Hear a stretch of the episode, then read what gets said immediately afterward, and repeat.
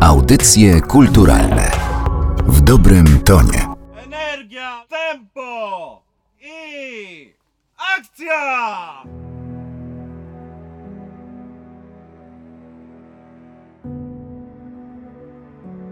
Wiktoria 1920 to film zrealizowany, aby upamiętnić setną rocznicę Bitwy Warszawskiej, która przypada 15 sierpnia 2020 roku, czyli dzisiaj.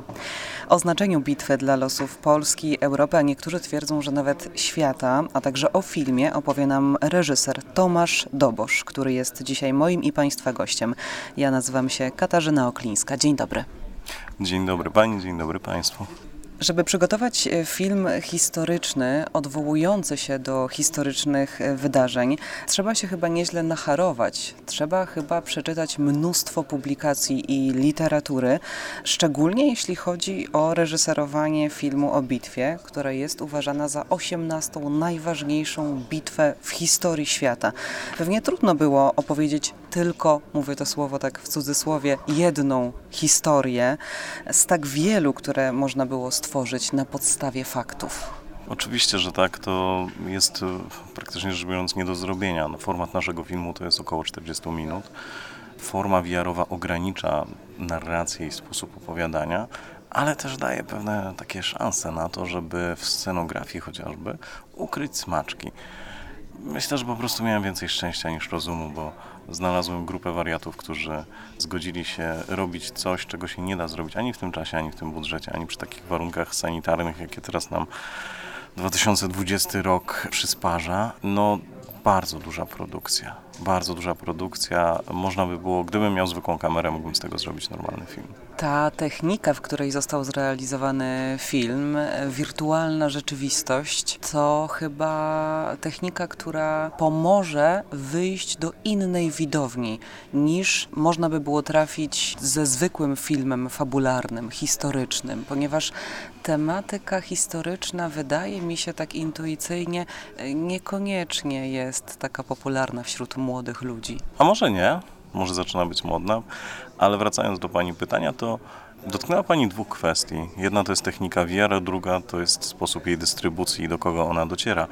Sama technologia jest, jest to tak zwane cinematic VR, czyli wirtualna rzeczywistość filmowa. Jest to, nazwijmy tak bardzo grzecznie, wymagająca technika, zwłaszcza dla reżysera, dlatego że ja mam 14 kamer na planie, co oznacza 14 łączeń, przez które nie wolno jest przechodzić, gdzie trzeba zainscenizować pracę aktorów w tych łączeniach. Wyzwanie, no, to jest kamera 360 stopni. Trzeba było reżyserkę, która jest blisko, ukryć gdzieś. Więc duża zabawa wchowanego. Ja miałem tą przyjemność, że mogłem jako ostatni schodzić z planu, krzycząc akcja i biegnąc i się chowając, ale tak się kręci te filmy.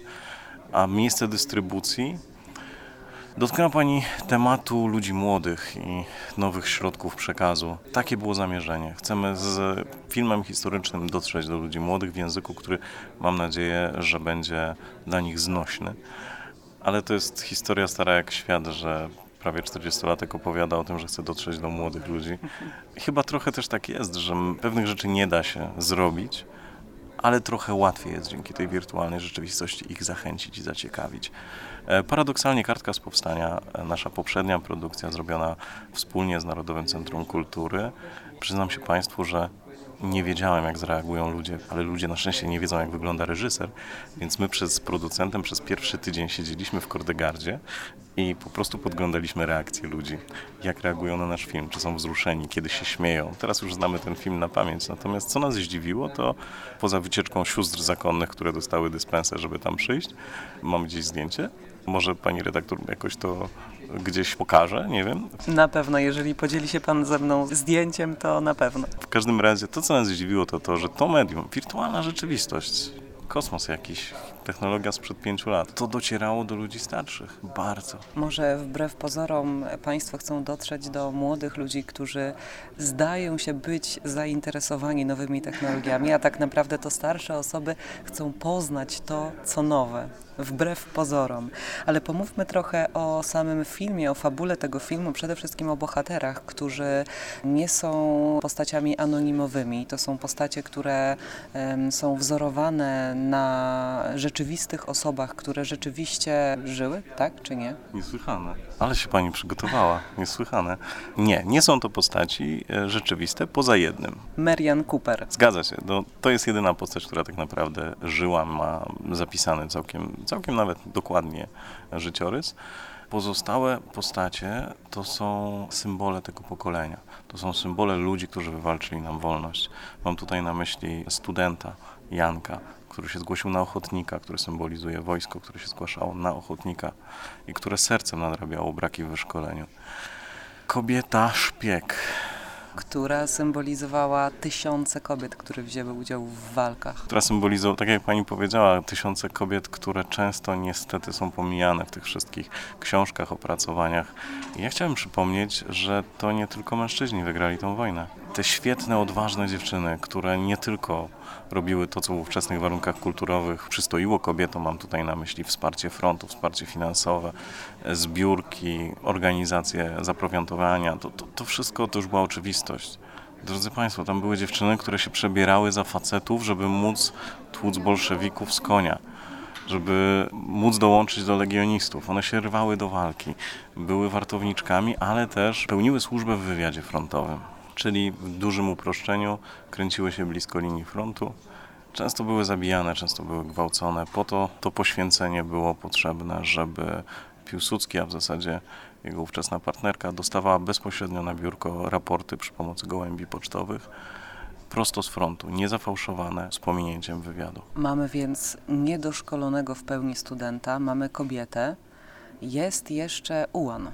Tak, śmialiśmy się na planie ułan bez konia, pilot bez samolotu, kobieta z pistoletem i, i, i student. To w zasadzie oni zwojowali to. Może powiedzmy jeszcze coś więcej o postaci Mariana C. Coopera.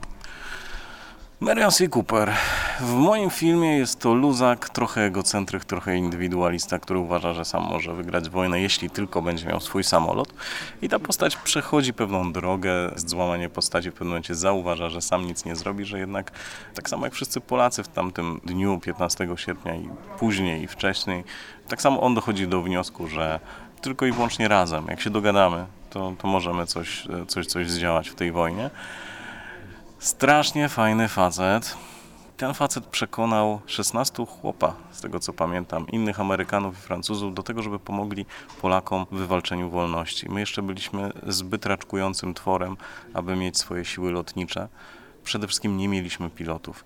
Marian C. Cooper zgłosił się do Piłsudskiego razem ze swoimi chłopakami, że z chęcią pomoże.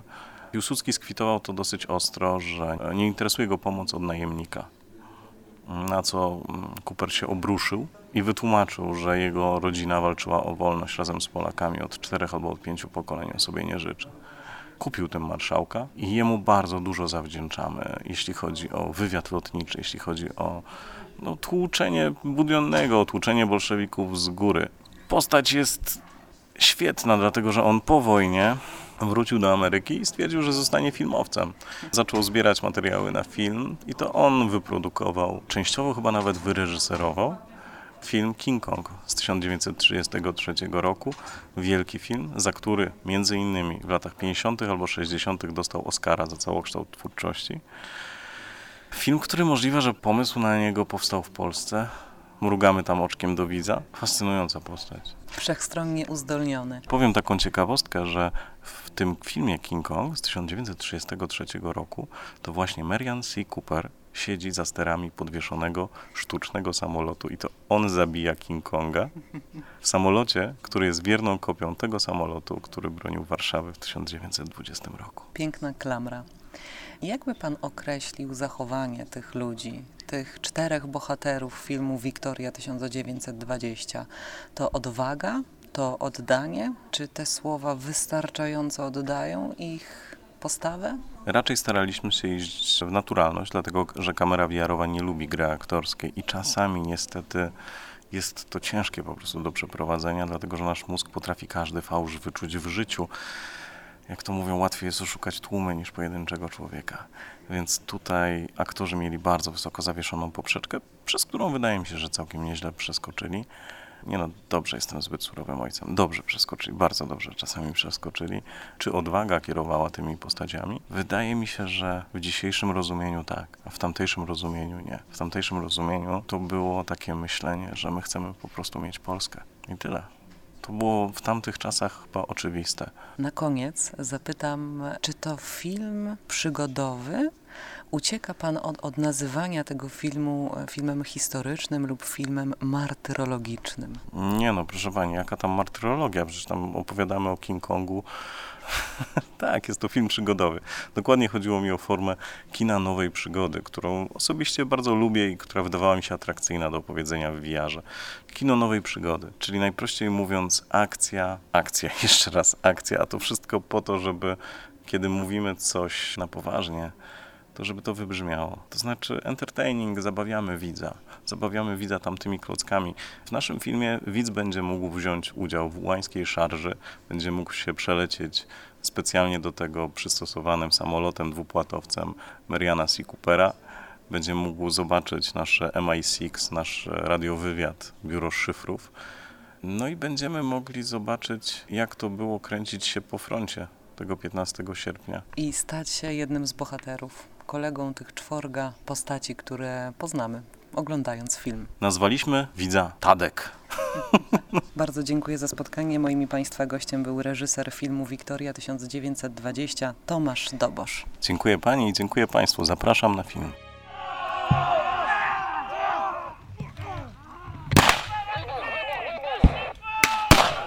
Mam prośbę, nie umierajmy na niby. Piasek jest za twardy, umieramy porządnie, ostro.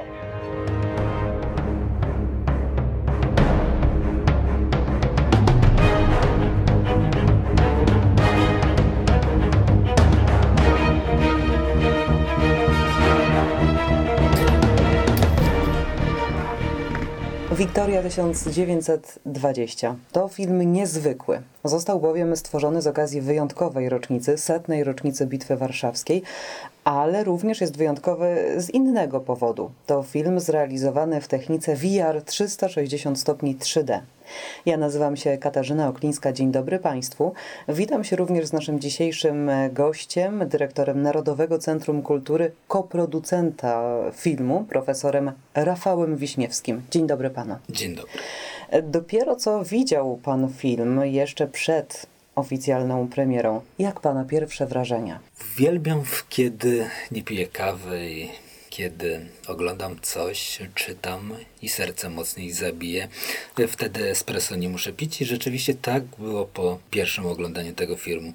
Potrzeba drugi, trzeci, czwarty raz, żeby zmierzyć się z tą fabułą, z tą formą, bo trzeba przyznać, że Technika VR jest techniką bardzo wymagającą. To nie jest tak, że można sobie usiąść i wygodnie w fotelu starać się skierować wzrok na ekran. Tu trzeba być, bym powiedział, swoim nieustannym poszukiwaczem piękna. Szukać szczegółów, poruszać się i dostrzegać tego, co scenarzysta, reżyser, operator, a przede wszystkim aktorzy stworzyli, bo rzeczywiście ten film jest tu ukryty w szczegółach. I kiedy zdjąłem gogle, mówię, Hmm, chyba minęło aż 22 minuty, bo ktoś powiedział, mówi, że długi film w technice VR to 16 minut, a okazało się, że to jest około 40 minut. Ten film jest też niezwykły z innego punktu widzenia. Mianowicie każdy z oglądających staje się bohaterem tej opowieści, uczestniczy niejako w tej opowieści. Bym powiedział, jak to cudne być w swoistej opowieści, kiedy można wspólnie tworzyć, wspólnie poszukiwać i kiedy efekt końcowy jest pozytywny. Zazwyczaj w filmie mamy ten element, kiedy my jesteśmy pasywni, to znaczy oglądamy to, co reżyser nam przedstawi. Tutaj zaś w technice VR jesteśmy naocznym świadkiem, uczestnikiem i bohaterem tego filmu. I ten bohater może powiedzieć, że na pierwszy rzut oka wydaje się takim skromnym, spoglądającym z ukratka e, film, ale po pierwszych kilku minutach tego filmu okazuje się, że za tym wszystkim zapomina, że ramię w ramię z innymi uczestniczy w tej wyprawie, ramię w ramię z nim przeżywa i doświadcza, cieszy się, cierpi, smuci i finalnie raduje. Technika VR to ciągle niespotykana na bardzo szeroką skalę technika wykorzystywana w produkcji filmowej, choć dla Pana to nie nowość, bo ostatnio mieliśmy okazję i ciągle można to zrobić, szczegóły znajdą Państwo w opisie podcastu, obejrzeć widowisko historyczne Kartka z Powstania, którego realizacja również została oparta na technologii wirtualnej rzeczywistości. Tak, ja pamiętam jak pan reżyser Dobosz przyszedł do Narodowego Centrum Kultury no było to przeszło dwa lata temu i zaczął opowiadać o technice VR. No i mówił, że ma taki pomysł, to jest dosyć ciekawa historia. Ja mówię, że się z tym wszystkim zapoznam. Dodał przy okazji, że to jest instytucja, w której trochę jak podróżny, że od instytucji do instytucji podróżuje i zazwyczaj wszyscy mówią, że to jest bardzo ciekawy projekt, ale my nie jesteśmy tą instytucją, którą zrealizuje ten projekt. Mówimy tak, po przeczytawszy scenariuszu, mówię, mamy to. Udałem również się wędrówkę do Ministerstwa Kultury, przekonałem tam pana premiera Piotra Glińskiego, otrzymaliśmy finansowanie, weszliśmy w, te, w ten projekt. Muszę powiedzieć, na razie tylko papierowy, no bo czytając scenariusz wiele prób, poprawek, napięć twórczych temu wszystkiemu towarzyszyło gdzie jestem bardzo dumny ze strony moich współpracowników, którzy wspólnie w ramię w ramię z reżyserem i z producentem to tworzyli i okazało się, że kartka z powstania powstała. Co ciekawe, córka głównego bohatera, która obejrzała ten film, doceniła go, ale co ciekawe, również docenili go Amerykanie, ponieważ w Los Angeles otrzymał główną nagrodę na festiwalu, w którym był poświęcony filmom VR. Dalej w Delhi, w, w Europie. I powiedział, tam gdzie pojawiał się tam film, pojawiała się również nagroda na, na festiwalu. Cieszę się, że teraz e, przez 63 dni od 1 sierpnia gości w Zamku Królewskim w Warszawie i tam można bezpłatnie oglądać go przez okres sierpień, wrzesień i początek października. Film Wiktoria 1920 też będzie dla Państwa dostępny w internecie. Szczegóły, tak jak już mówiłam, znajdą Państwo w opisie dzisiejszej rozmowy. Ważne wydarzenia historyczne to dobre okazje do tworzenia filmów, szczególnie eksperymentalnymi metodami. Można dzięki nim chyba dotrzeć do młodych osób, które być może nie byłyby zainteresowane historią w takim tradycyjnym wydaniu. Ja bym czasami trochę poskrobał e, kwestię młodości, bo młodość to, to jest taki swoisty punkt referencyjny w zależności od tego, ile mamy lat. Zazwyczaj koncentrujemy się, że chcemy opowiadać historię w sposób nowoczesny młodym ludziom, którzy usiłują znaleźć jakieś, bym powiedział, swoiste, trochę jak argonauci, podróż do Złotego Runa, czy swoisty klucz. Okazuje się, że i to osoby w średnim wieku, i to te, którym już dawno ta pierwsza młodość jest za nami, i, I co się okazało? Okazało się, że, że te osoby wszyscy jak jeden mąż lub jak jedna żona lub jak jedna osoba wskazują, że, że ten film jest po prostu jest przepiękny. O czym mówił profesor Rafał Wiśniewski, dyrektor Narodowego Centrum Kultury, które to centrum jest koproducentem filmu Wiktoria 1920. Panie profesorze, bardzo dziękuję za to spotkanie. jestem wdzięczny reżyserowi Doboszowi, Ministerstwo Kultury, Biuro Programu Niepodległa za to, że wspólnie możemy pokazać coś, co jest wartościowe. Dziękuję.